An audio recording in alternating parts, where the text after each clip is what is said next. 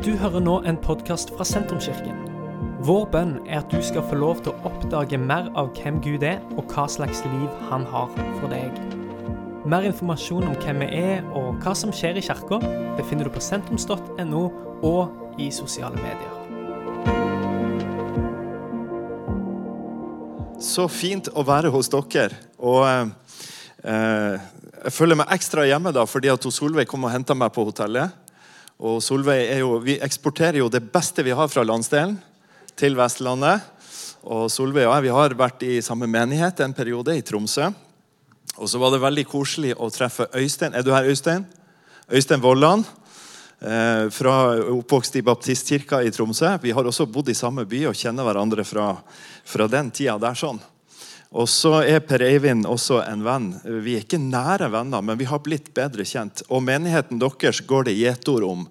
Eh, fordi at dere har et hjerte for neste generasjon. Og at det vises på alle måter i alt dere gjør. Så gratulerer. Håper du er stolt av menigheten din. Håper du kjenner at det er godt å være her og heier skikkelig på dere. Og fantastisk fin sal, men det er noe med å få et eget hus også. Så vi, vi står med dere i det. Jeg er 49 år, jeg er gift med Annelise. Vi har to gutter. Philip og Andreas de er 22 og 20 år. Eh, og jeg har jobba som lærer i mange år. Og så har jeg samtidig vært pastor i bykirka i Bodø. Vi flytta til Bodø i 2004 for å være med å plante en menighet. Og Tre år etterpå så slo vi oss sammen med en annen kirke som eh, foreldrene til Karoline faktisk hadde vært med å starte i sin tid. De hadde akkurat flytta da. Jeg lurer på om Karoline er født i, eh, i Bodø. faktisk. Så der har du enda litt sånn nordnorsk eh, gull som er kommet sørover her. sånn. Det er bra. Og Siden 2007 så har vi vært bykirka. I dag så er vi en flerstedskirke. Vi, vi har forsamling i Bodø og på Fauske. Og veldig glad for uh, gode ting som skjer. Og så vet vi samtidig at det er veldig mye mer som kan skje. Så det jobber vi for, akkurat som dere gjør her. sånn. Du, jeg gleder meg til å dele Guds ord i lag med deg. Nå har du allerede fått et eh, bilde opp på skjermen her av et fjell. og Dette fjellet det ligger i Bodømarka. Eh, og det heter Steigtind. Det må ikke forveksles med Stetind, som er Norges nasjonalfjell, som ligger litt lenger nord. Eh, I Kjøpsvik-området, opp mot Narvik.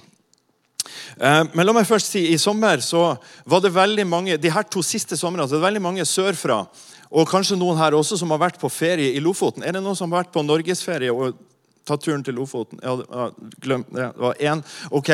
Så eh, jeg hadde nemlig tenkt å si at mens folk sørfra kommer nordover, så har vi da dratt sørover. Og vi hadde en roadtrip, jeg og guttene mine, i ikke i sommer, men året før der. Og vi var bl.a. her i området.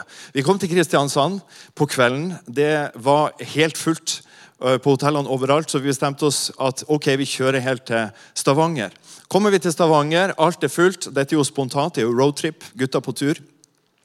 Og eneste vi får tak i, er Airbnb-leilighet, og de reklamerte med 'room with a view'. Og Vi eh, tenker at det er bra. Det funker bra for oss tre. Vi kommer fram, klokka er over midnatt, og eh, vi kommer til Har du hørt om programmet Hell's Kitchen? Ja, Dette er altså Hells Airbnb. Vi kommer dit, og det er ikke room with a, view, with a view. Det er et rom innerst inne i kjelleren. Det er ingen vinduer. Det er kanskje ni kvadrat. Det er to køyesenger som står der. Det er et lite pleksiglassvindu ut imot gangen. Det kan ikke åpnes, det kan ikke lukkes. Og der skal vi altså tilbringe natta. Og Jeg var veldig skeptisk, men jeg var samtidig veldig trøft, trøtt. Så jeg, jeg, jeg, jeg, så litt på de andre som bodde der. Det var en, en blanding av Jeg tror det var sånn uh, drug cartel eller sånt. Det var veldig sånn lugubert der. sånn. Det var så vidt jeg torde å gå på do og dramatisere det her litt sånn. Vi la oss til å sove, og så våkner jeg eh, ca. klokka fire på natta. Og, og, lufta var jo selvfølgelig tjukk. Det var ikke noe var ikke noe oksygen igjen der inne. og tenkte dette går ikke. Dette er dårlig HMS. Så vi, vi sto opp, rett og slett. Jeg vekte gutta mine. Vi sto opp. Vi kjørte ned på Circle K i Stavanger. Vi kjøpte oss frokost. Skikkelig roadtrip. Og så dro vi nordover. Passerte de her, eller Kjørte gjennom de her fantastiske tunnelene med sånn sci-fi-hull sci midt inni. der du liksom, Noen som har kjørt en tunnel nordover? Ja, se der. Veldig spennende. Vi kommer til Jørpeland, og du skjønner sikkert, vi skulle til Prekestolen. Vi får en fantastisk tur oppover og nyter utsikten der. Og når vi skal gå tilbake, så er det som å gå imot et 17. mai-tog. Og akkurat den dagen leser jeg i nyhetene senere på kvelden, så det er rekord. Og det var parkering, altså det var parkerte biler helt ut på hovedveien. Så hva er poenget mitt? Jo, Gud kan vende alt til det beste. Hadde ikke vi havna på Hells Airbnb, så hadde ikke vi stått opp så tidlig, og så måtte vi gått i kø opp på prekestolen. Så eh, jeg har lyst til å snakke litt om det her fjellet Steigtind. Dette bildet tok jeg på en tur til en annen fjelltopp i sommer. Steigtind er 793 meter over havet. Den kan ses fra ulike sider. Fra Tvellane der jeg bor, så ser jeg en helt annen side av fjellet. Det er mye smalere, mye skarpere. Og Dette fjellet har 200 meter. De siste 200 meterne er ganske avansert for å komme seg opp der. Og har ikke vært der enda sjøl, men jeg har gjort meg opp en mening ut ifra det andre har fortalt, at utsikten er helt fantastisk. Og Jeg har lyst til at du skal ha det fjellet her i bakhodet. Kanskje du ikke er en toppturperson, men når vi ser på et fjell, så kan vi se det fra ulike perspektiver. Jeg så et bilde av, så et bilde av Prekestolen nede fra fjorden. Lysefjorden heter det vel. Det litt, en, ser ut som en liten hylle der, langt der oppe på fjellet. Og når du står oppå der, så er det helt annerledes. Og Sånn kan vi se på ulike perspektiver. Jeg har lyst til å dele med deg et bibelavsnitt fra Matteus 16, vers 13 til 18. Da Jesus var kommet til traktene ved Cesarea Filippi, spurte han disiplene sine, 'Hvem sier folk at menneskesønnen er?' De svarte, 'Noen sier døperen Johannes, andre Elia, andre igjen Jeremia eller en av profetene.' Han sier til dem, 'Men dere, hvem sier dere at jeg er?' Da svarte Simon Peter og sa, 'Du er Messias, den levende Guds sønn.' Jesus svarte ham og sa, 'Salig er du, Simon, Jonas' sønn.' For det er ikke kjøtt og blod som har åpenbart dette for deg, men min far i himmelen. Jeg sier deg at du er Peter, og på denne klippen vil jeg bygge min menighet, og dødsrikets porter skal ikke få makt over den. Det fins veldig mange tanker og versjoner av Jesus rundt omkring i dag. Har du hørt den her? 'Jesus for meg'. Eller 'Min Jesus er' Og så kommer det et eller annet. Jesus er en sosialist. Jesus er en, eh, han var en dyktig morallærer. Er Jesus Guds sønn? Noen sier det. Noen sier det ikke. Sannheten, står det her, må åpenbares for oss. Ingen av oss kan leve på andre sin oppfatning av hvem Jesus er. Du må sjøl få kjennskap til Jesus. Og Da mener ikke jeg på den måten at du skal ha en personlig Jesus. Men den Jesus vi tror på, det er Bibelens Jesus. Og det er der vi blir kjent med han. Den kristne troen kan vi kalle for en åpenbaringsreligion. Det betyr at vi leser oss ikke fram til hvem Jesus er. Vi studerer oss ikke fram til troen, selv om det er veldig bra å studere Bibelen. Det må åpenbares for oss. Og eh, den beste vers, den beste versjonen eller definisjonen eller forklaringa på hva åpenbaring er, det er for meg Nå vet ikke om jeg har noe her, det er veldig lite vinduer her. sånn. Men tenk deg at du drar gardina bort, og du ser ut på et fantastisk landskap. Det er en god definisjon på åpenbaring. Du ser noe du ikke har sett før. Noe som har vært skjult for deg. Noe som du ikke har fått med deg, noe du ikke har forstått. Gjerne. Og Når vi snakker om åpenbaring, så er det ikke hodet vårt, men det er hjertet vårt. Og det er der denne troen må droppe ned. Og Jesus han er frimodig. Han sier at denne åpenbaringa, det at du Peter, faktisk har skjønt hvem jeg er, det gjør at jeg kan bygge min menighet. Så vi som jobber med menighet og bygger menighet og, og drømmer for framtida og ønsker at Guds rike skal vokse som det gjør, vi er helt avhengige av å forstå hvem Jesus er. Ha åpenbaring. Og Peter han hadde et moment her. sånn. Peter pika litt her sånn, fordi at han hadde plutselig skjønt noe, og Jesus skrøt av han. Ikke av hans dyktighet, men han sa dette har ikke du tenkt ut sjøl. Det er Gud som har åpenbart det. Min far i himmelen som har åpenbart det for deg. Jesus han kan ha sider som vi ikke har sett enda.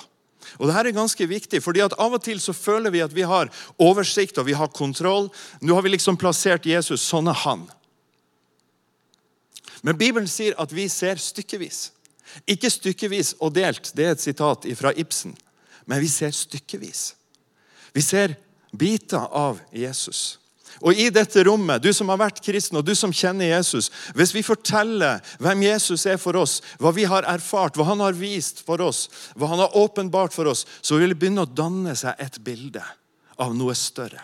Jesus er alltid større enn det jeg og du har sett og forstått. Derfor så finnes det alltid nye ting og mer du kan oppdage med han.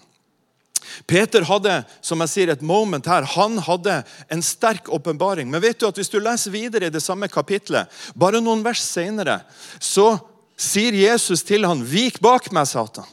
For du har ikke sans for det som hører Gud til, bare for det som hører menneskene til. For da hadde Peter nemlig hørt Jesus begynne å fortelle hva han skulle gjøre, at han skulle dø. Han skulle miste livet for vår skyld, og Peter skjønte det ikke. Han begynte å si nei, nei, nei, nei det må ikke skje. Og da var det Jesus sa, 'Vik bak meg'. Så det er helt tydelig at Peter han hadde skjønt hvem Jesus var, men ikke skjønt alt rundt Jesus. Uten åpenbaring så mangler vi sansen for det som hører Gud til. En av de mest kjente personene i Det nye testamentet, Paulus, som har skrevet store deler av Det nye testamentet, han fikk møte Jesus på en ganske dramatisk måte. Jeg tar deg med nå til apostelens gjerninger, kapittel 9 og de fem første versene.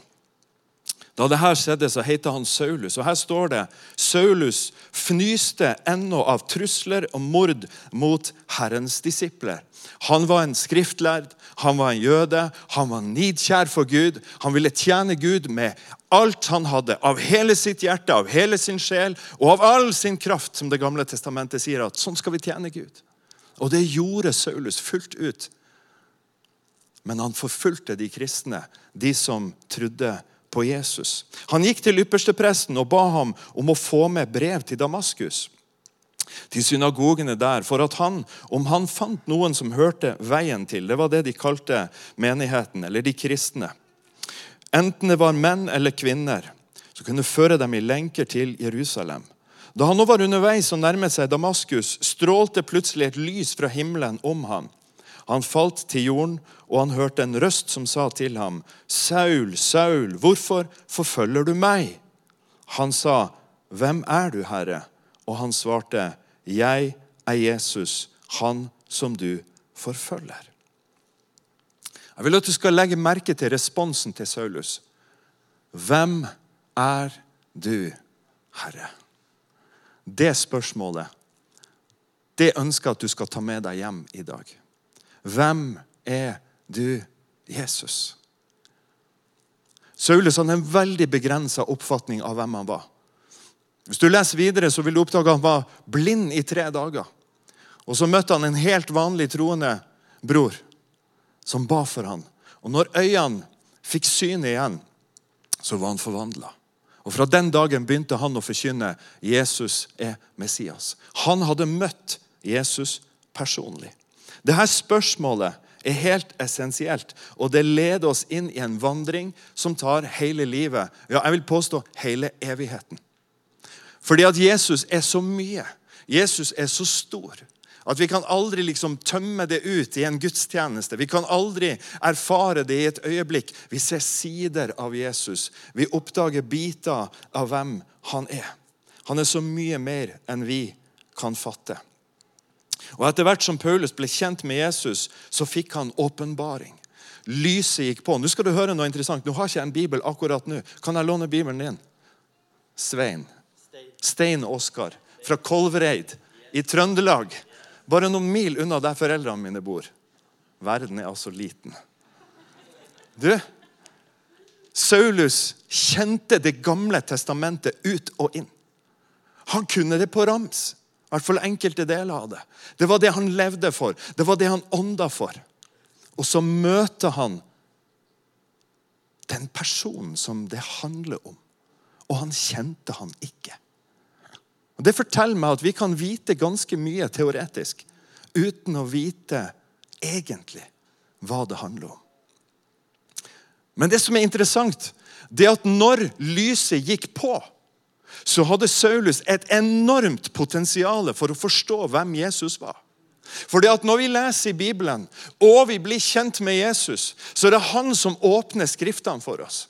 Så forstår vi plutselig wow, det er jo det det handler om Jesus. Det er jo det det står her om. Og Derfor så ble Saulus forvandla til det mest effektive redskapet som vi kanskje vet om i den kristne troen.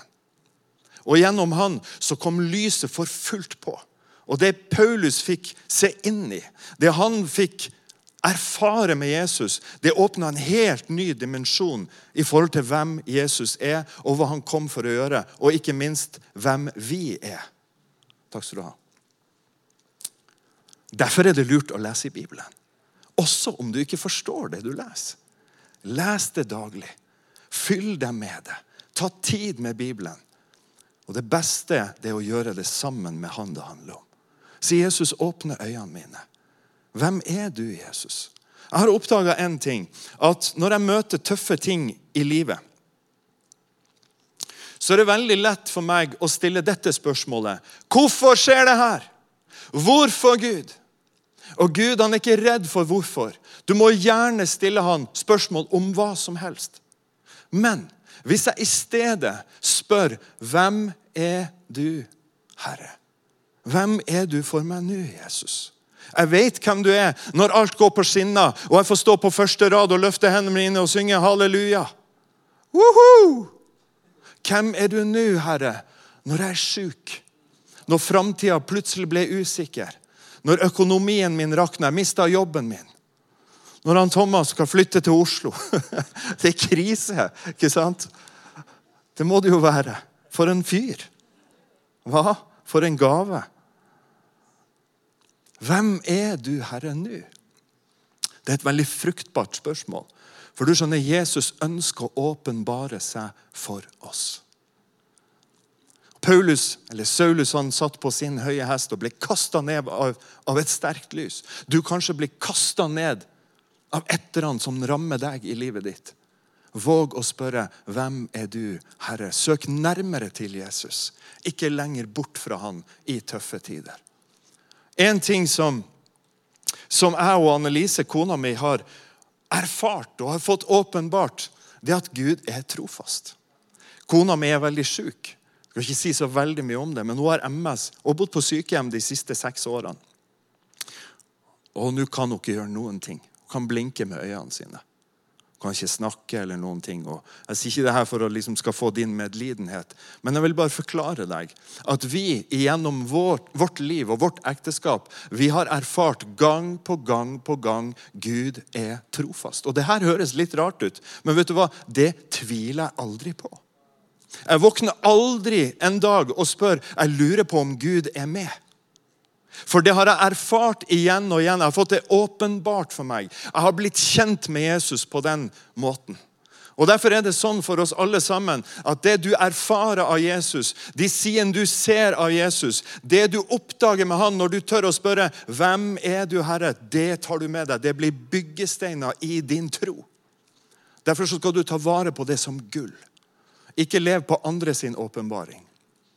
Ikke bare hør på en predikant eller noen andre i menigheten. Spør sjøl hvem er du, Herre? Gjør det over en åpen bibel, så vil han vise hvem han er. Det siste skriftavsnittet vi skal gå til, det er Kolossebrevet 1, vers 13-18. Kolossebrevet kalles for Kristusbrevet. Og Paulus bretter ut i flere av disse. Jeg anbefaler deg Efeserbrevet, Kolossebrevet, Filippebrevet spesielt. Der Paulus forklarer, og der han, der han deler med oss den åpenbaringa han har fått om Jesus. Og I dette avsnittet så, så, er det en eneste stor lovsang, en fantastisk beskrivelse av hvem Jesus er. Og Vi skjønner Paulus han har fått møte Jesus. Vi leser i lag. Han er den som fridde oss ut av mørkets makt og satte oss over i sin elskede sønns rike. I ham har vi forløsningen, syndenes forlatelse. Han er et bilde av den usynlige Gud, den førstefødte fremfor enhver skapning. For i ham er alt blitt skapt, i himmelen og på jorden, det synlige og det usynlige. Enten det er troner eller herredømmer eller makter eller myndigheter. Alt er det skapt ved ham og til ham. Han er før alle ting, og alt består ved ham. Og han er hodet for legemet, som er menigheten. Han er opphavet, den førstefødte av de døde, for at han i alt skal være den fremste. For en fantastisk beskrivelse av Jesus. Paulus hadde en mangesidig åpenbaring av Jesus. Her står det at Jesus er sentrum for hele skapelsen. Det er han alt er til for. Alt er ved ham, av ham, i ham. og Alle disse begrepene finner vi masse av i Det nye testamentet. Det står at Jesus er et bilde av den usynlige Gud. Og Nå skal vi feire jul, og som Per Eivind sa, så er det veldig mange som tenker på Gud i jula. Og Evangeliet forkynnes egentlig veldig klart og tydelig gjennom mange av julesangene. Vet du hva? Hvis du ikke kjenner Jesus så godt, og du er her i dag, så har jeg lyst til å invitere deg denne adventstida til å spørre hvem er du, Jesus? Midt i alt denne flotte stemninga som vi har nå en måneds tid. Be han å åpne øynene. I Johannes evangelium så står det at han er Gud kommet i menneskelig form. I kjøtt og blod. Gud har fått et ansikt gjennom Jesus. Hvis du vil vite hvem Gud er, se på Jesus. Hvis du vil vite hva Gud tenker om ulike ting, hvordan han møter mennesker, hva han tenker i møte med forskjellige personer og, og situasjoner, så se på Jesus. Det forklarer oss Gud, for han er et bilde av den usynlige Gud. Det står her at Jesus er menneskenes frelser. Han kommer med forsoning, han kommer med forlatelse. Han kommer med forløsning. En del sånne litt rare og merkelige ord, men de er så pakka med innhold. Og Det handler om at jeg og du kan få vår sak i orden med Gud. Og kunne stå innenfor Gud uten frykt. Og bare kjenne Gud, du er for meg. Du er med meg. Her står det også at Jesus er hodet for menigheten. Og vi, vi er lemmene på den kroppen. Og apropos det at Peter forsto plutselig hvem Jesus er. Og det er akkurat som det eh, Jesus kjenner nå er det tida. Du vet, du vet, at det finnes ulike tider for ulike ting. Det kan være i ditt liv, det kan være i, i menigheten sitt liv. Så finnes det ulike tider og ulike faser. Og når Peter forsto hvem Jesus var, så er det akkurat som det sa klikk. Og Jesus sa nå skal jeg bygge min menighet. Og Vi trenger å forskjønne hvem Jesus er, og forstå hva han holder på med, sånn at menighet blir noe mer enn bare fine ting vi gjør sammen, som er veldig bra. Men når vi forstår hvem Jesus er, så får vi en helt annen drivkraft. En helt annen forståelse. Og vi kjenner dette gir jeg livet mitt til. Uansett om jeg bor i Sandnes, eller Bodø eller Oslo. Guds menighet fins overalt. Vær engasjert. Så avslutter Paulus for at han i alt skal være den fremste. Det er målet. Det er hensikten med vårt liv. Jesus skal være den fremste i mitt liv. Han skal være den fremste i mitt ekteskap. Han skal være den fremste i mitt hjem.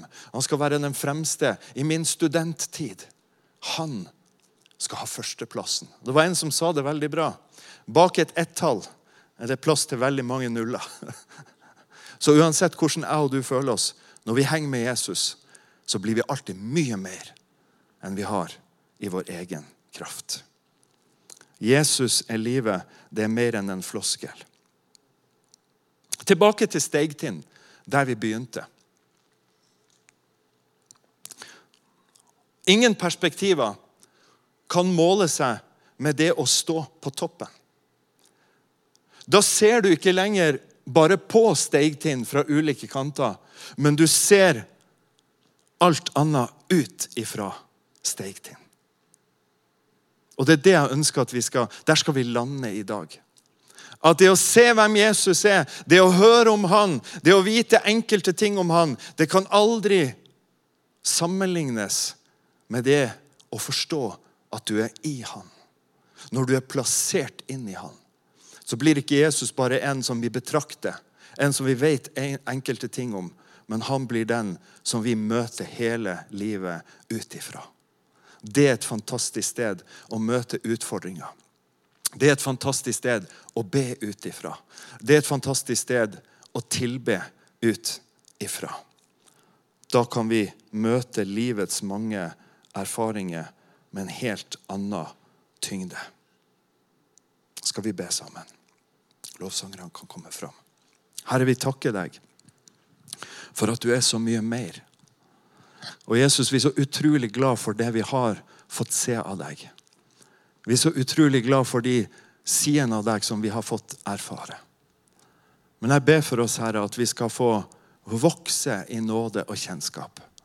At vi hele tida skal oppdage mer av hvem du er. Takk at du kjenner hver enkelt som er på gudstjeneste her i Vågen videregående skole denne søndagen. Du kjenner oss bedre enn vi kjenner oss sjøl. Herre, vi inviterer deg inn i vår situasjon. Dette er slutten på denne podkastepisoden. Har du spørsmål om Jesus, om tro, om livet, så er du hjertelig velkommen til å ta kontakt med oss via sentrums.no.